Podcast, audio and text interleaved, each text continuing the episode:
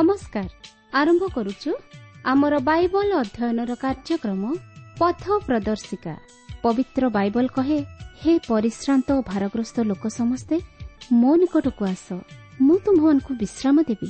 ଆସନ୍ତୁ ସେହି ଜୀବନଦାତାଙ୍କର ପରିଚୟ ପାଇ ଜୀବନରେ ବାସ୍ତବ ଶାନ୍ତି ଓ ମୁକ୍ତି ପାଇବା ନିମନ୍ତେ ଶୁଣିବା ବେତାର କାର୍ଯ୍ୟକ୍ରମ ପଥ ପ୍ରଦର୍ଶିକା।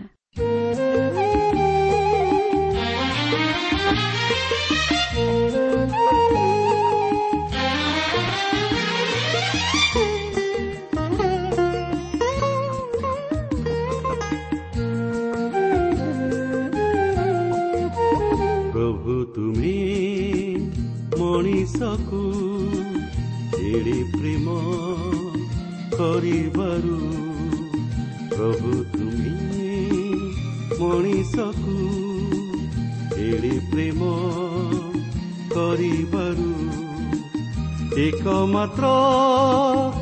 ତନୟଙ୍କୁ ଏକମାତ୍ର ତନୟଙ୍କୁ ଦାନ କଲ ଜଗତକୁ ଦାନ କଲ ଜଗତକୁ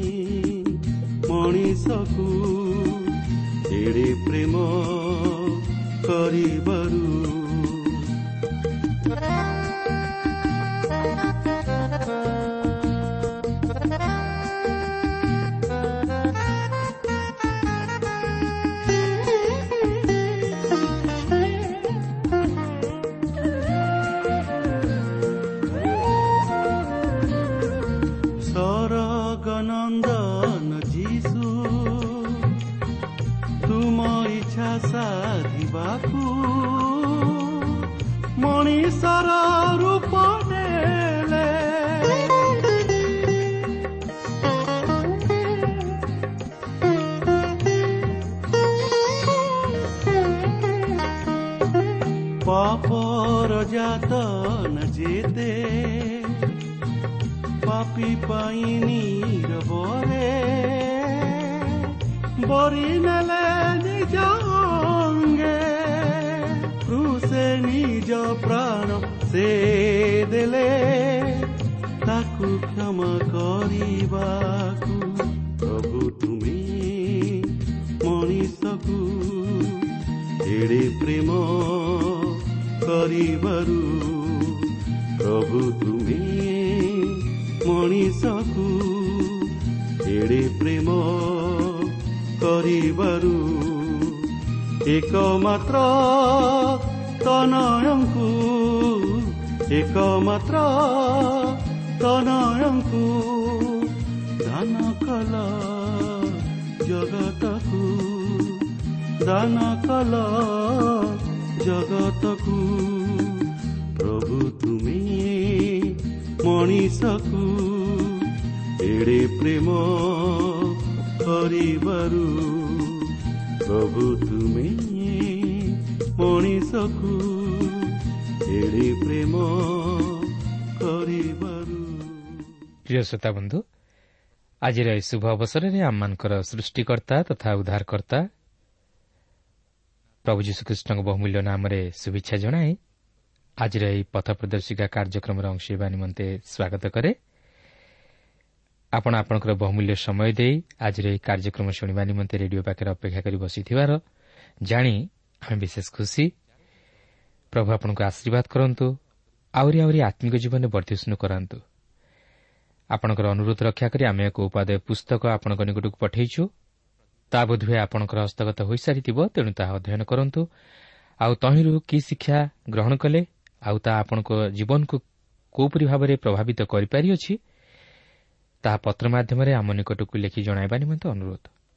ଆପଣ ଏହି କାର୍ଯ୍ୟକ୍ରମ ନିୟମିତ ଶୁଣିବା ସଙ୍ଗେ ସଙ୍ଗେ ଅନ୍ୟମାନଙ୍କୁ ମଧ୍ୟ ଶୁଣାଇବାରେ ସାହାଯ୍ୟ କରନ୍ତୁ ଆଉ ସେମାନଙ୍କୁ ମଧ୍ୟ ଆମ ସହ ପତ୍ର ମାଧ୍ୟମରେ ଯୋଗାଯୋଗ କରିବା ନିମନ୍ତେ ଉତ୍ସାହିତ କରନ୍ତୁ।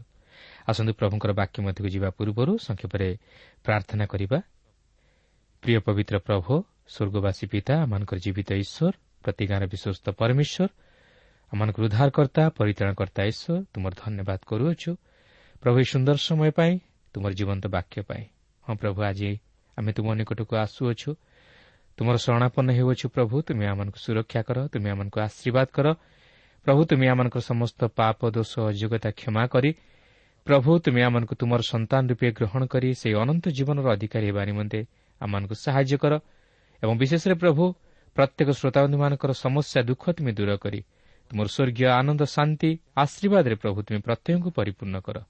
ଯୀଶୁଙ୍କ ନାମରେ ମାଗୁଅଛୁ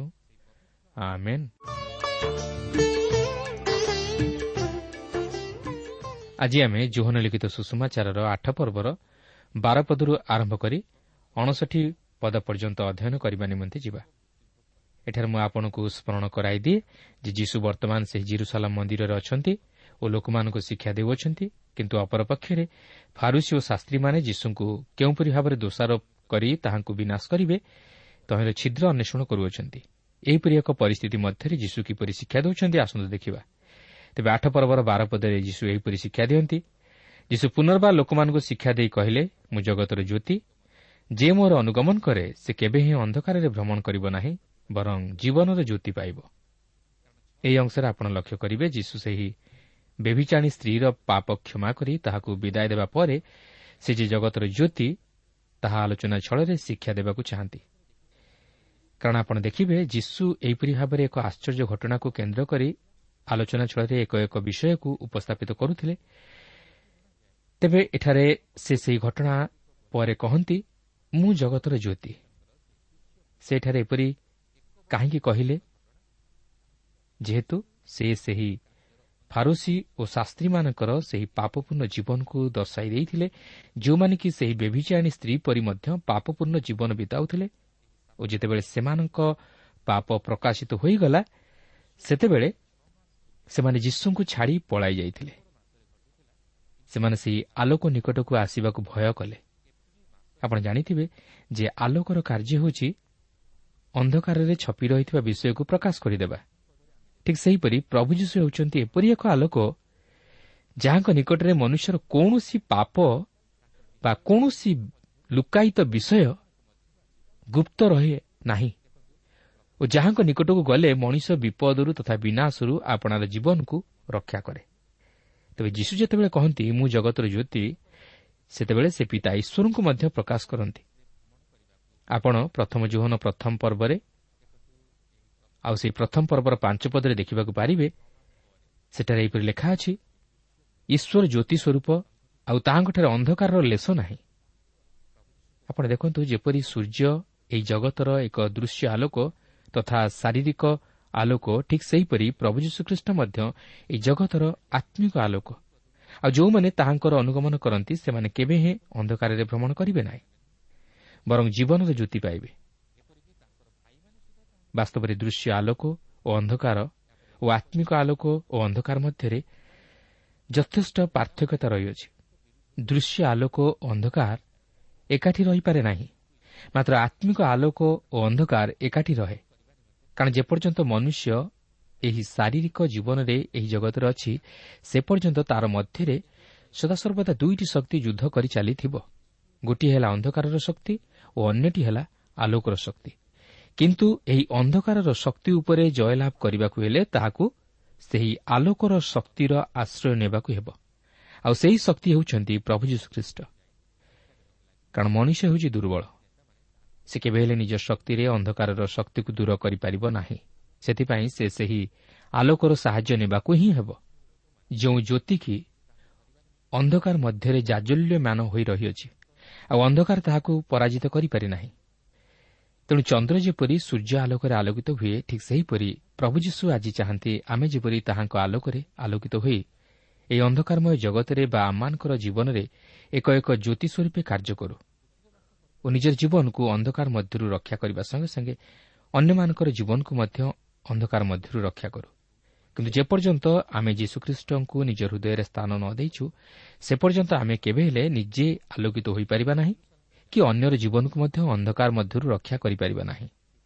ଚିନ୍ତା କରନ୍ତୁ ଆପଣ ଯଦି ବିନା ଆଲୋକରେ ଅନ୍ଧକାର ମଧ୍ୟରେ ଯାତାୟାତ କରନ୍ତି ତାହେଲେ ଆପଣଙ୍କ ଜୀବନ ପ୍ରତି କ'ଣ ଘଟିବ? ହୁଏତ ଆପଣ କୌଣସି ହିଂସ୍ର ଜନ୍ତୁର ବା ଖଳ ଜନ୍ତୁର ଶିକାର ହେବେ ନଚେତ୍ କୌଣସି ଖାଲରେ ପଡ଼ି ଶାରୀରିକ ପୀଡ଼ା ଭୋଗ କରିବେ। ହୋଇପାରେ ସେହି ପଥ ଚଲା ଆପଣଙ୍କ ପକ୍ଷରେ ଅତି ଜଟିଳ ତଥା ସମୟ ସାପେକ୍ଷ ହୋଇପାରେ। କିମ୍ବା ଆପଣ ବାଟ ଛାଡ଼ି ଅବାଟରେ ଚାଲିଯାଇପାରନ୍ତି ଯଦ୍ୱାରା ଆପଣ ନିରୂପିତ ସମୟରେ ନିଜର ଲକ୍ଷ୍ୟସ୍ଥଳରେ ପହଞ୍ଚିପାରିବେ ନାହିଁ। ତାହେଲେ ଚିନ୍ତା କରନ୍ତୁ ଯଦି ଆମର ଅନ୍ତରସ୍ଥ ଜ୍ୟୋତି ଅନ୍ଧକାର ହୁଏ ତାହେଲେ ତାହା କେଡ଼େ ଭୟଙ୍କର ନ ହେବ? ତେଣୁ ପ୍ରିୟ ବନ୍ଧୁ ବାସ୍ତବରେ ଆପଣ ଯଦି ଆତ୍ମିକ ଜୀବନରେ ଜ୍ୟୋତି ପ୍ରାପ୍ତ ହେବାକୁ ଚାହାନ୍ତି ଓ ଆଲୋକର ସନ୍ତାନ ହେବାକୁ ଚାହାନ୍ତି ଅନ୍ଧକାର ମଧ୍ୟରୁ ନିଜର ଜୀବନକୁ ରକ୍ଷା କରିବାକୁ ଚାହାନ୍ତି ତାହେଲେ ଆଜି ପ୍ରଭୁ ଯୀଶୁଖ୍ରୀଷ୍ଟଙ୍କ ପ୍ରତି ଦୃଷ୍ଟି କରନ୍ତୁ ଓ ତାହାଙ୍କର ବାକ୍ୟକୁ ନିଜ ହୃଦୟରେ ଗ୍ରହଣ କରନ୍ତୁ। ତାହେଲେ ଆପଣ ଏହି ଅନ୍ଧକାର ତଥା ପାପପୂର୍ଣ୍ଣ କଳୁଷିତ ଜଗତ ମଧ୍ୟରେ ଝୁଣ୍ଟି ନ ପଡ଼ି ବା ପଥହରା ନ ହୋଇ ଆଲୋକର ପଥରେ ଗମନ କରିପାରିବେ ଓ ନିଜର ଜୀବନକୁ ବିନାଶରୁ ରକ୍ଷା କରିପାରିବେ। ଏହି ଅଂଶରେ ଆପଣ ଆଉ ଏକ ବିଷୟ ଲକ୍ଷ୍ୟ କରିବେ ଯେ ଯୀଶୁ ଏଠାରେ ନିଜକୁ ମୁଁ ଜଗତର ଜ୍ୟୋତି ଭାବରେ ପ୍ରକାଶ କରିବାର ଅର୍ଥ ହେଉଛି ସେ କହିବାକୁ ଚାହାନ୍ତି ଯେ ସେ ସେହି ଅଗ୍ନିସ୍ତମ୍ଭର ନିଦର୍ଶନ। କାରଣ ଆପଣ ଜାଣି ରଖନ୍ତୁ ଯେ ଏହି ସମୟ ଏକ ପର୍ବର ସମୟ ଥିଲା ଓ ଏହି ପର୍ବ ସେହି ପତ୍ରକୁଟିର ପର୍ବ ସମୟ ଥିଲା। ଯେଉଁ ପର୍ବରେ ଏହି ଜୁଇଦୀମାନେ ଇସ୍ରାଏଲ୍ ଲୋକମାନଙ୍କର ସେହି ପ୍ରାନ୍ତର ଭ୍ରମଣ ସମୟରେ ସେମାନେ ଯେଉଁ ଅଗ୍ନିସ୍ତମ୍ଭ ଦ୍ୱାରା ପରିଚାଳିତ ହେଉଥିଲେ ସେହି ଅଗ୍ନିସ୍ତମ୍ଭକୁ ସ୍ମରଣ କରି ସେମାନେ ମଧ୍ୟ ଆଲୋକ ଜାଳୁଥିଲେ। ତେଣୁ ଯୀଶୁ ଏଠାରେ କହିବାକୁ ଚାହାନ୍ତି ଯେ ମୁଁ ହେଉଛି ଜଗତର ଜ୍ୟୋତି ଓ ସେହି ଅଗ୍ନିସ୍ତମ୍ଭ ହେଉଛି ଖ୍ରୀଷ୍ଟଙ୍କର ନିଦର୍ଶନ ସ୍ୱରୂପ। କେବଳ ସେତିକି ନୁହେଁ ସେହି ଇସ୍ରାଏଲ୍ ସନ୍ତାନଗଣ ପ୍ରାନ୍ତର ମଧ୍ୟରେ ଭ୍ରମଣ କରିବା ସମୟରେ ସେହି ଶୈଳରୁ ଈଶ୍ୱର ତାହାଙ୍କୁ ଜଳ ଯୋଗାଇବା ଦ୍ୱାରା ସେହି ଜଳକୁ ସ୍ମରଣ କରି ସେମାନେ ଏହି ପତ୍ରକୁଟିର ପର୍ବର ଶେଷ ସମୟରେ ମନ୍ଦିରରେ ବହୁତ ଜଳ ଢାଳୁଥିଲେ। ତେଣୁ ଆମେ ଏଥିପୂର୍ବରୁ ସାତ ପର୍ବରେ ଦେଖିସାରିଛୁ ଯେ ଯୀଶୁ ନିଜକୁ ଜୀବନ୍ତ ଜଳ ରୂପେ ପ୍ରକାଶ କରିଥିଲେ। କାରଣ ସେମାନେ ଯେଉଁ ଶୈଳକୁ ଓ ତହିଁର ଜଳକୁ ସ୍ମରଣ କରି ପର୍ବ ପାଳନ କରୁଥିଲେ ସେହି ଶୈଳ ପ୍ରଭୁ ଯୀଶୁଖ୍ରୀଷ୍ଟ ନିଜେ ଥିଲେ ଯାହାକି ପ୍ରେରିତ ପାଉଲ ପ୍ରଥମ କରନ୍ତି ଦଶ ପର୍ବର ଚାରିପଦରେ ଉଲ୍ଲେଖ କରିଅଛନ୍ତି। ତେଣୁ ଯୀଶୁ ଏଠାରେ ସେମାନଙ୍କୁ ଜଣାଇ ଦେବାକୁ ଚାହାନ୍ତି ଯେ ସେ ହେଉଛନ୍ତି ସେହି ଶୈଳ ଯିଏକି ଜୀବନ୍ତ ଜଳ ପ୍ରଦାନ କରନ୍ତି ଓ ସେ ହେଉଛନ୍ତି ଜୀବନ୍ତ ଜଳର ନିର୍ଝର। ପ୍ରିୟ ବନ୍ଧୁ ପ୍ରଭୁ ଯୀଶୁ ଆଜି ମଧ୍ୟ ଚାହାନ୍ତି ଯେ ଆମେ ଯେପରି ତାହାଙ୍କ ପ୍ରତି ଦୃଷ୍ଟି କରୁ ଓ ତାହାଙ୍କୁ ନିଜ ହୃଦୟରେ ଗ୍ରହଣ କରି ସେହି ଜ୍ୟୋତିରେ ଗମନ କରୁ ଯଦ୍ୱାରା ଆମେ ଆମ ଜୀବନର ଲକ୍ଷ୍ୟସ୍ଥଳରେ ପହଞ୍ଚିପାରିବା ତେବେ ଦେଖନ୍ତୁ ଏହି କଥାର ପ୍ରତିବାଦ କରି ଫାରୁସିମାନେ ଯୀଶୁଙ୍କ ସହିତ ବାଦାନୁବାଦ କରୁଅଛନ୍ତି ମାତ୍ର ସେମାନେ ଯୀଶୁଙ୍କୁ ବିଶ୍ୱାସ କରିପାରୁନାହାନ୍ତି। ଯୀଶୁ ଏଠାରେ ତାହାଙ୍କର ଏହି ଜଗତକୁ ଆଗମନ କରିବାର ଅଭିପ୍ରାୟ ଓ ସେ ପୁନର୍ବାର ଈଶ୍ୱରଙ୍କ ନିକଟରେ ଗୃହୀତ ହେବାର ବିଷୟ ଓ ତାହାଙ୍କର ସେହି କୃଷି ମୃତ୍ୟୁଭୋଗ କରିବାର ବିଷୟ ପ୍ରକାଶ କରୁଅଛନ୍ତି। ମାତ୍ର ଜୁହୁଦୀମାନେ ସେହି ସମସ୍ତ ବିଷୟକୁ ଗ୍ରହଣ କରିପାରୁନାହାନ୍ତି କି ଯୀଶୁଙ୍କୁ ଈଶ୍ୱରଙ୍କ ପୁତ୍ର ରୂପେ ଗ୍ରହଣ କରିପାରୁନାହାନ୍ତି। ତେଣୁ ଯୀଶୁ ସେମାନଙ୍କୁ କହନ୍ତି କାରଣ ମୁଁ ଯେ ସେହି ବ୍ୟକ୍ତି ଏହା ତୁମ୍ଭେମାନେ ବିଶ୍ୱାସ ନ କଲେ ଆପଣ ଆପଣା ପାପରେ ମରିବ। ଯାହାକି ଚବିଶ ପଦରେ ଲେଖା ଅଛି। ତେବେ ଏହି ସମସ୍ତ ବାଦନବାଦର ବିଷୟ ତେର ପଦରୁ ଅଣତିରିଶ ପଦ ମଧ୍ୟରେ ଲିଖିତ ହୋଇଅଛି। ମାତ୍ର ଆମେ ବର୍ତ୍ତମାନ ତାହା ପାଠ କରିବାକୁ ଯିବା ନାହିଁ କିନ୍ତୁ ମୁଁ ଅନୁରୋଧ କରେ ଆପଣ ଆପଣଙ୍କର ବ୍ୟକ୍ତିଗତ ବାଇବଲ ଅଧ୍ୟୟନ ସମୟରେ ସେହି ଅଂଶକୁ ପାଠ କରିନେବେ। ଯଦି ତହିଁରୁ କୌଣସି ବିଷୟ ବୁଝିବା ନିମନ୍ତେ ଜଟିଳ ହୁଏ ତାହେଲେ ପତ୍ର ମାଧ୍ୟମରେ ଆମ ନିକଟକୁ ଲେଖି ଜଣାଇଲେ। ଆମେ ପତ୍ର ମାଧ୍ୟମରେ ତହିଁର ଉତ୍ତର ଦେବା ପାଇଁ ଚେଷ୍ଟା କରିବୁ। କିନ୍ତୁ ମୋର ବିଶ୍ୱାସ ଆପଣ ସେହି ସମସ୍ତ ବିଷୟ ପାଠ କଲେ ବୁଝିପାରିବେ। ତେବେ ଏଠାରେ ଲକ୍ଷ୍ୟ କରିବାର ବିଷୟ ହେଉଛି ଯେ ଯଦିଓ ସେହି ଜିହୁଦୀମାନେ ଅଧିକାଂଶ ତାହାଙ୍କ କଥାରେ ବିଶ୍ୱାସ କରିନଥିଲେ ମାତ୍ର ସେମାନଙ୍କ ମଧ୍ୟରୁ ମଧ୍ୟ କେତେକ ତାହାଙ୍କଠାରେ ବିଶ୍ୱାସ କରିଥିଲେ। ତେଣୁ ଯୀଶୁ ସେହି ବିଶ୍ୱାସ କରିଥିବା ଜିହୁଦୀମାନଙ୍କୁ ଏହିପରି କହନ୍ତି ଯାହାକି ତିରିଶରୁ ବତିଶ ପଦ ମଧ୍ୟରେ ଲେଖା ଅଛି ସେ ଏହି ସମସ୍ତ କଥା କହନ୍ତେ ଅନେକ ତାହାଙ୍କଠାରେ ବିଶ୍ୱାସ କଲେ। ଅତଏବ ଯୀଶୁ ତାହାଙ୍କୁ ବିଶ୍ୱାସ କରିଥିବା ଜିହୁଦୀମାନଙ୍କୁ କହିଲେ ଯଦି ତୁମେମାନେ ମୋହର ବାକ୍ୟରେ ସ୍ଥିର ହୋଇ ରହିବ ତେବେ ତୁମେମାନେ ପ୍ରକୃତରେ ମୋହର ଶିଷ୍ୟ। ପୁଣି ତୁମେମାନେ ସତ୍ୟ ଜ୍ଞାତ ହେବ ଓ ସେହି ସତ୍ୟ ତୁମମାନଙ୍କୁ ମୁକ୍ତ କରିବ।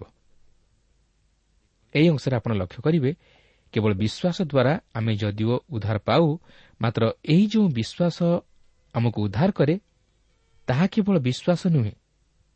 ଏହି ବିଶ୍ୱାସ ମଧ୍ୟରେ କେତେକ ବିଷୟ ସାଧିତ ହୁଏ। ଅର୍ଥାତ୍ ଜଣେ ବ୍ୟକ୍ତି ଯେତେବେଳେ ପ୍ରଭୁ ଯୀଶୁ ଖ୍ରୀଷ୍ଟଙ୍କଠାରେ ବିଶ୍ୱାସ କରେ ସେହି ସମୟଠାରୁ ସେ ପ୍ରଭୁ ଯୀଶୁଙ୍କ ବାକ୍ୟ ଅନୁଯାୟୀ ଜୀବନ ବିତାଇବାକୁ ଆରମ୍ଭ କରେ କାରଣ ଜଣେ ବ୍ୟକ୍ତି ଯେ ପ୍ରଭୁ ଯୀଶୁ ଖ୍ରୀଷ୍ଟଙ୍କଠାରେ ବିଶ୍ୱାସ କରେ ତାହା କେତେବେଳେ ପ୍ରମାଣିତ ହୁଏ? ଯେତେବେଳେ କି ସେ ତାହାଙ୍କ ସହିତ ଜୀବନ ବିତାଏ ଓ ଲାଗି ରୁହେ। ତେଣୁକରି ଏଠାରେ ମଧ୍ୟ ପ୍ରଭୁ ଯୀଶୁ ସେହି ବିଶ୍ୱାସ କରିଥିବା ଜିହୁଦୀମାନଙ୍କୁ କହନ୍ତି ଯଦି ତୁମେମାନେ ମୋହର ବାକ୍ୟରେ ସ୍ଥିର ହୋଇ ରହିବ ତେବେ ତୁମେମାନେ ପ୍ରକୃତିରେ ମୋହର ଶିଷ୍ୟ। କେବଳ ସେତିକି ନୁହେଁ ପୁନଶ୍ଚ ସେ କହନ୍ତି ତୁମେମାନେ ସତ୍ୟ ଜ୍ଞାତ ହେବ ଓ ସେହି ସତ୍ୟ ତୁମମାନଙ୍କୁ ମୁକ୍ତ କରିବ। ତାହେଲେ ସେହି ସତ୍ୟ କ'ଣ? ସେହି ସତ୍ୟ ହେଉଛନ୍ତି ପ୍ରଭୁ ଯୀଶୁଖ୍ରୀଷ୍ଟ ଯିଏକି ଜଗତର ଉଦ୍ଧାରକର୍ତ୍ତା ଓ ସେ ସେହି ସତ୍ୟ। ତେଣୁ ଜଣେ ବ୍ୟକ୍ତି ଯେତେବେଳେ ଯୀଶୁଖ୍ରୀଷ୍ଟଙ୍କର ନିକଟବର୍ତ୍ତୀ ହୁଏ ସେତେବେଳେ ସେ ତାହାଙ୍କୁ ନିଜ ହୃଦୟରେ ବିଶ୍ୱାସର ସହିତ ଉଦ୍ଧାରକର୍ତ୍ତା ରୂପେ ଗ୍ରହଣ କରିବାକୁ ହେବ ଓ ତାହାଙ୍କ ସହିତ ଜୀବନ କାଟିଲେ ସେ ଯେ ପାପରୁ ଉଦ୍ଧାର ପାଇଅଛି ତାହା ସେ ନିଜେ ଅନୁଭବ କରିପାରିବ। ପ୍ରଭୁ ଚାହାନ୍ତି ଆମେ ଯେପରି ତାହାଙ୍କଠାରେ ବିଶ୍ୱାସ କରି ତାହାଙ୍କୁ ଆମ ହୃଦୟରେ ଉଦ୍ଧାରକର୍ତ୍ତା ରୂପେ ଗ୍ରହଣ କରୁ ତାହାହେଲେ ସେ ଆମ ହୃଦୟକୁ ଗ୍ରହଣ କରି ତାଙ୍କର ଇଚ୍ଛା ଅନୁଯାୟୀ ବ୍ୟବହାର କରିବେ। ଆମେ ତାହାଙ୍କ ବାକ୍ୟରେ ସ୍ଥିର ହୋଇ ରହିପାରିବା ଓ ସେହି ସତ୍ୟକୁ ଜ୍ଞାତ ହୋଇପାରିବା ଓ ସେହି ସତ୍ୟ ଆମକୁ ମୁକ୍ତ କରିବ। ତେଣୁ କେବଳ ପ୍ରଭୁ ଯୀଶୁଖ୍ରୀଷ୍ଟଙ୍କଠାରେ ବିଶ୍ୱାସ କରିଦେଲେ ଯଥେଷ୍ଟ ନୁହେଁ।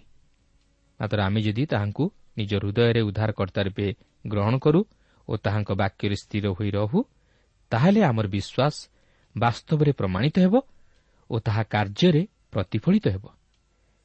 କାରଣ ଲେଖା ଅଛି କର୍ମ ବିନା ବିଶ୍ୱାସ ଯେପରି ମୃତ ସେହିପରି ବିଶ୍ୱାସ ବିନା କର୍ମ ମଧ୍ୟ ମୃତ। ତେଣୁ କେବଳ ବିଶ୍ୱାସ ଦ୍ୱାରା ଯଦିଓ ଆମେ ଉଦ୍ଧାର ପାଉ ମାତ୍ର ଯେଉଁ ବିଶ୍ୱାସ ଏହି ଉଦ୍ଧାରର କାର୍ଯ୍ୟ ସାଧନ କରେ ତାହା କେବଳ ବିଶ୍ୱାସ ନୁହେଁ ମାତ୍ର ଏଥିସହିତ ସେହି ବିଶ୍ୱାସ କେତେକ ବିଷୟ ସାଧନ କରେ। ଏହାପରେ ଆପଣ ଦେଖିବେ ଏହି ଆଠ ପର୍ବର ତେତିଶ ପଦରୁ ଏକାବନ ପଦ ମଧ୍ୟରେ ଯୀଶୁ ସେମାନଙ୍କ ସହିତ କଥାବାର୍ତ୍ତା କରି ସେମାନଙ୍କୁ ଶିକ୍ଷା ଦିଅନ୍ତି। ତେବେ ଆମେ ସେହି ପଦଗୁଡ଼ିକୁ ବର୍ତ୍ତମାନ ପାଠ କରିବାକୁ ଯିବା ନାହିଁ ମାତ୍ର ଆପଣ ନିଜର ବ୍ୟକ୍ତିଗତ ବାଇବଲ ଅଧ୍ୟୟନ ସମୟରେ ଅଧ୍ୟୟନ କରିପାରିବେ। ମାତ୍ର କେବଳ ଏକାବନ ପଦ ଉପରେ ଆମେ ଟିକେ ଦୃଷ୍ଟିପାତ କରିବା। ଦେଖନ୍ତୁ ଏକାବନ ପଦରେ ଏହିପରି ଲେଖା ଅଛି ଯଦି କେହି ମୋହର ବାକ୍ୟ ପାଳନ କରେ ତାହେଲେ ସେ କଦାପି କେବେ ମୃତ୍ୟୁ ଦର୍ଶନ କରିବ ନାହିଁ। ଏଠାରେ ପ୍ରଭୁ ଯୀଶୁ ଶାରୀରିକ ମୃତ୍ୟୁ ବିଷୟ ନେଇ କହନ୍ତି ନାହିଁ ମାତ୍ର ଆତ୍ମିକ ମୃତ୍ୟୁ ବିଷୟ ନେଇ କହନ୍ତି। ଅର୍ଥାତ୍ ସେ ଆତ୍ମିକ ଭାବରେ ମୃତ୍ୟୁବରଣ କରିବ ନାହିଁ ମାତ୍ର ଆତ୍ମିକ ଜୀବନରେ ଜୀବିତ ରହିବ।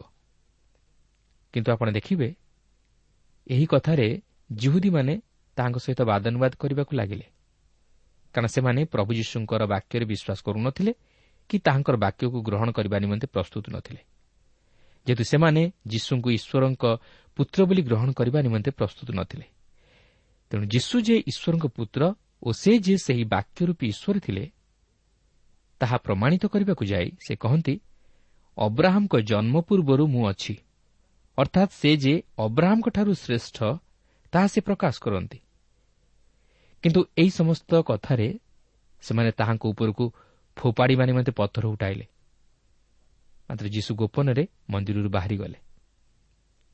ତେବେ ଏହି ସମସ୍ତ ବିଷୟ ଏହି ଆଠ ପର୍ବର ବାବନ ପଦରୁ ଅଣଷଠି ପଦ ମଧ୍ୟରେ ବର୍ଣ୍ଣିତ ହୋଇଅଛି କିନ୍ତୁ ତାହା ବର୍ତ୍ତମାନ ଆମେ ପାଠ କରିବାକୁ ଯିବା ନାହିଁ। ଆପଣ ଅନ୍ୟ ସମୟରେ ତାହା ପାଠ କରିନେବେ ମାତ୍ର ଏଠାରେ ଆମକୁ ଏହି ଶିକ୍ଷା ମିଳେ ଯେ କେବଳ ପ୍ରଭୁ ଯୀଶୁ ଖ୍ରୀଷ୍ଟଙ୍କଠାରେ ବିଶ୍ୱାସ କରିଦେଲେ ଯଥେଷ୍ଟ ନୁହେଁ। ମାତ୍ର ସେହି ବିଶ୍ୱାସକୁ ଫଳପ୍ରଦ କରିବାକୁ ହେଲେ ପ୍ରଭୁ ଯୀଶୁଙ୍କର ବାକ୍ୟରେ ସ୍ଥିର ରହି ତାହାଙ୍କୁ ଉଦ୍ଧାରକର୍ତ୍ତା ରୂପେ ବିଶ୍ୱାସର ସହିତ ହୃଦୟରେ ଗ୍ରହଣ କଲେ ଯାଇ ଆମେ ପାପରୁ ଉଦ୍ଧାର ପାଇପାରିବା ଓ ଆମର ବିଶ୍ୱାସ ଯେ ବାସ୍ତବରେ ପ୍ରକୃତ ବିଶ୍ୱାସ ତାହା କାର୍ଯ୍ୟରେ ପ୍ରତିଫଳିତ ହୋଇପାରିବ। ପ୍ରିୟ ବନ୍ଧୁ ଆଜି ଅନେକ ଏହିପରି ରେଡିଓ ମାଧ୍ୟମରେ ଈଶ୍ୱରଙ୍କର ବାକ୍ୟ ଶୁଣନ୍ତି ଓ ପ୍ରଭୁ ଯୀଶୁଙ୍କ ବିଷୟରେ ଜାଣିବାକୁ ପାରନ୍ତି। କିନ୍ତୁ ଏହାର ଅର୍ଥ ନୁହେଁ ଯେ ସେମାନେ ଉଦ୍ଧାର ପାଇଯାଆନ୍ତି। କାରଣ ପ୍ରଭୁ ଯୀଶୁଙ୍କ ବିଷୟରେ ଜାଣିବା ଓ ପ୍ରଭୁ ଯୀଶୁଙ୍କୁ ଜାଣିବା ଏହି ଦୁଇଟି ମଧ୍ୟରେ ଯଥେଷ୍ଟ ତଫାତ ରହିଅଛି। ତାଛଡ଼ା ପ୍ରଭୁ ଯୀଶୁଙ୍କଠାରେ ବିଶ୍ୱାସ କରିବା ଓ ତାହାଙ୍କୁ ନିଜ ହୃଦୟ ମଧ୍ୟରେ ଗ୍ରହଣ କରିବା ଏହି ଦୁଇଟି ମଧ୍ୟରେ ମଧ୍ୟ ତଫାତ ରହିଅଛି। ଆଜି ଅନେକ ପ୍ରଭୁ ଯୀଶୁ ଯେ ଈଶ୍ୱରଙ୍କ ପୁତ୍ର ଓ ସେ ଯେ କୃଷରେ ମୃତ୍ୟୁଭୋଗ କରିଅଛନ୍ତି ତାହା ବିଶ୍ୱାସ କରନ୍ତି। ମାତ୍ର ସେମାନେ ପ୍ରଭୁ ଯୀଶୁଙ୍କୁ ବ୍ୟକ୍ତିଗତ ଉଦ୍ଧାରକର୍ତ୍ତା ରୂପେ ଗ୍ରହଣ କରନ୍ତି ନାହିଁ।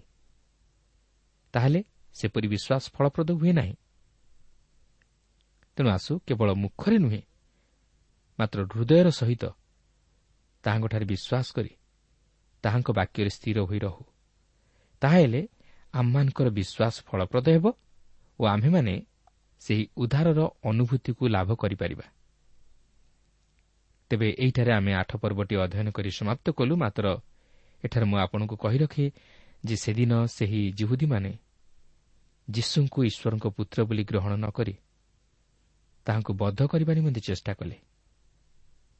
କାରଣ ସେ ନିଜକୁ ଈଶ୍ୱର ବୋଲି କହୁଥିଲେ। କିନ୍ତୁ ଯୀଶୁ ନିଜେ ଗୋପନରେ ମନ୍ଦିରରୁ ବାହାରି ଯାଇଥିଲେ। ଏହା ମଧ୍ୟ ଏକ ଆଶ୍ଚର୍ଯ୍ୟର ବିଷୟ ଥିଲା। ସେ ସେହି କ୍ରୋଧରେ ପରିପୂର୍ଣ୍ଣ ହୋଇଥିବା ଜିହୁଦୀମାନଙ୍କ ମଧ୍ୟରୁ ଅତି ଆଶ୍ଚର୍ଯ୍ୟ ପ୍ରକାରେ ବାହାରି ଯାଇଥିଲେ। କାରଣ ତାହାଙ୍କର ସମୟ ସେ ପର୍ଯ୍ୟନ୍ତ ଉପସ୍ଥିତ ହୋଇନଥିଲା କିନ୍ତୁ ଏହି ଜିହୁଦୀ ନେତାମାନଙ୍କର ଆତ୍ମିକ ଚକ୍ଷୁ ଅନ୍ଧ ହୋଇଯାଇଥିବାରୁ ସେମାନେ ଯୀଶୁଙ୍କୁ ଦେଖିବା ନିମନ୍ତେ ସକ୍ଷମ ହୋଇପାରିଲେ ନାହିଁ। ସେହିପରି ପ୍ରିୟ ବନ୍ଧୁ ଆଜି ଯଦି ଆମେ ପ୍ରଭୁ ଯୀଶୁଙ୍କଠାରେ ବିଶ୍ୱାସ କରି ତାହାଙ୍କୁ ନିଜ ହୃଦୟରେ ସ୍ଥାନ ନ ଦେଉ ତାହେଲେ ଆମେ ତାହାଙ୍କର ପରିଚୟ ପାଇପାରିବା ନାହିଁ କି ପାପରୁ ଉଦ୍ଧାର ପାଇପାରିବା ନାହିଁ। ଆମମାନଙ୍କର ଆତ୍ମିକ ଚକ୍ଷୁ ସେହିପରି ଅନ୍ଧ ହୋଇ ରହିଥିବ। କିନ୍ତୁ ଯଦି ଆମେ ତାହାଙ୍କର ବାକ୍ୟ ଶୁଣି ତହିଁରେ ସ୍ଥିର ହୋଇ ରହୁ ଓ ପ୍ରଭୁ ଯୀଶୁଙ୍କଠାରେ ବିଶ୍ୱାସ କରି ତାହାଙ୍କୁ ନିଜ ହୃଦୟରେ ଉଦ୍ଧାରକର୍ତ୍ତା ରୂପେ ଗ୍ରହଣ କରୁ ତାହେଲେ ଆମେ ତାହାଙ୍କର ବାସ୍ତବ ପରିଚୟ ପାଇପାରିବା ଓ ସେହି ଉଦ୍ଧାରର ଅନୁଭୂତିକୁ ପ୍ରାପ୍ତ ହୋଇପାରିବା। ସେଥିପାଇଁ ରୋମିଓ ଦଶ ପର୍ବର ସତର ପଦରେ ପ୍ରେରିତ ପାଉଲ ଏହିପରି ଉଲ୍ଲେଖ କରନ୍ତି ଅତଏବ ବିଶ୍ୱାସ ଶ୍ରବଣରୁ ଜାତ ହୁଏ ଓ ଶ୍ରବଣ ଖ୍ରୀଷ୍ଟଙ୍କ ବାକ୍ୟ ଦ୍ୱାରା ହୁଏ। ପ୍ରିୟ ବନ୍ଧୁ ଆଜି ଆମେ ପ୍ରଭୁଙ୍କର ବାକ୍ୟ ଶୁଣୁଅଛୁ ସତ। ଆମେ ତାହାଙ୍କର ବାକ୍ୟ ଅଧ୍ୟୟନ କରୁଅଛୁ ସତ। କିନ୍ତୁ ଯଦି ଆମେ ସେହି ବାକ୍ୟରେ ବିଶ୍ୱାସ ନ କରୁ ସେହି ବାକ୍ୟ ଅନୁଯାୟୀ ଯଦି ଜୀବନଯାପନ ନ କରୁ ତାହେଲେ ଏହି ବାକ୍ୟ ଅଧ୍ୟୟନ କରିବା ବା ଶ୍ରବଣ କରିବା ଆମମାନଙ୍କର ଜୀବନ ନିମନ୍ତେ ସାର୍ଥକ ହୋଇପାରିବ ନାହିଁ। ପ୍ରଭୁ ଚାହାନ୍ତି ନାହିଁ ଆମେ କେବଳ ତାହାଙ୍କ ବିଷୟ ଶୁଣୁ ତାହାଙ୍କ ବିଷୟରେ ଜାଣୁ। ମାତ୍ର ସେ ଚାହାନ୍ତି ଆମେ ଯେପରି ତାହାଙ୍କୁ ଗ୍ରହଣ କରୁ। ତାହାଙ୍କୁ ଆମମାନଙ୍କ ହୃଦୟରେ ଉଦ୍ଧାରକର୍ତ୍ତା ରୂପେ ସ୍ଥାନ ଦେଉ। ଏହି ସମସ୍ତ ବିଷୟ କେବଳ ଆମମାନଙ୍କର ଜାଣିବା ପାଇଁ ଉଲ୍ଲେଖ ହୋଇନାହିଁ ମାତ୍ର ଆମମାନଙ୍କର ଉଦ୍ଧାର ନିମନ୍ତେ ଆମମାନଙ୍କର ଆତ୍ମିକ ଜୀବନର ଅଭିବୃଦ୍ଧି ନିମନ୍ତେ ଆମମାନଙ୍କର ଅନନ୍ତ ଜୀବନ ନିମନ୍ତେ ଏହି ସମସ୍ତ ବିଷୟ ଉଲ୍ଲେଖ ହୋଇଅଛି।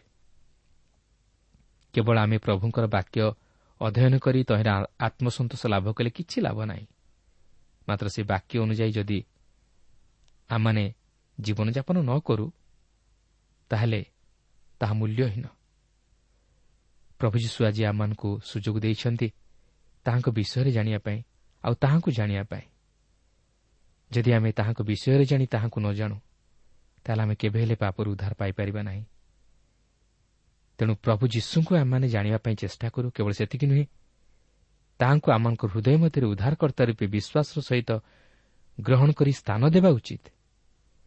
ତାହେଲେ ସେ ଆମମାନଙ୍କ ହୃଦୟ ମଧ୍ୟରେ ତାହାଙ୍କର କାର୍ଯ୍ୟ ସାଧନ କରିବେ।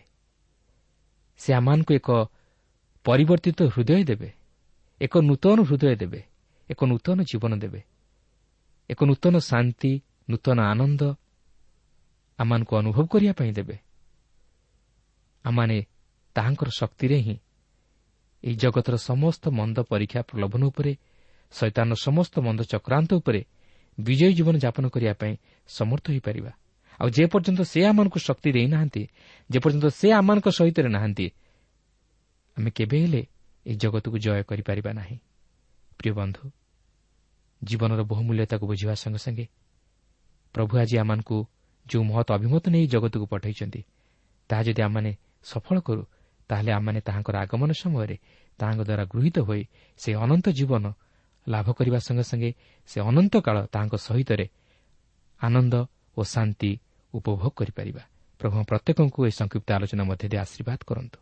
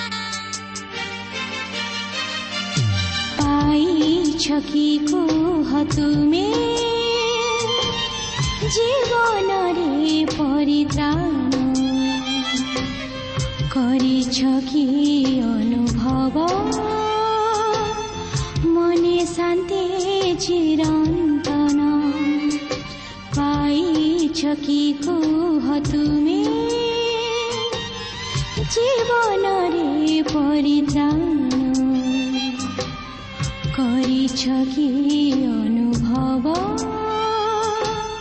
ମନେ ଶାନ୍ତି ଚିରନ୍ତନ ପ୍ରିୟ ଶ୍ରୋତା ଏହି କାର୍ଯ୍ୟକ୍ରମ ଶୁଣିଥିବାରୁ ଆପଣଙ୍କୁ ଅଶେଷ ଧନ୍ୟବାଦ ଏହି କାର୍ଯ୍ୟକ୍ରମ ଆପଣଙ୍କୁ କିପରି ଲାଗିଲା ଓ କେଉଁ ବିଷୟଟି ଆପଣଙ୍କ ହୃଦୟକୁ ଅଧିକ ସ୍ପର୍ଶ କରିଛି ତାହା ଲେଖି ଜଣାଇଲେ ଆମେ ବିଶେଷ ଉପକୃତ ହେବୁ ଯଦି କିଛି ପ୍ରଶ୍ନ ବା ସନ୍ଦେହ ଥାଏ ତାହା ପତ୍ର ମାଧ୍ୟମରେ ଅଥବା ଟେଲିଫୋନ୍ ଯୋଗେ ଆମକୁ ଜଣାନ୍ତୁ ଆମର ଠିକଣା ପଥ ପ୍ରଦର୍ଶିକା Trans World Radio India post box number ତିନି ତିନି ଭୁବନେଶ୍ୱର ସାତ ପାଞ୍ଚ ଏକ ଶୂନ ଶୂନ ଏକ।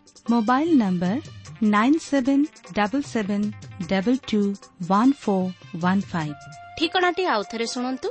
ପଥ ପ୍ରଦର୍ଶିକା Trans World Radio India post box number three three Bhubaneswar seven five one zero zero one. Mobile number nine seven double seven double two one four one five ଆମର ଇମେଲ ଆଡ୍ରେସଟି ଲେଖି ରଖନ୍ତୁ Odia T T V at radio eight eight two dot com ତେବେ ଆଜି ପାଇଁ ଏଇଠାରେ ରଖୁଛୁ। ନମସ୍କାର।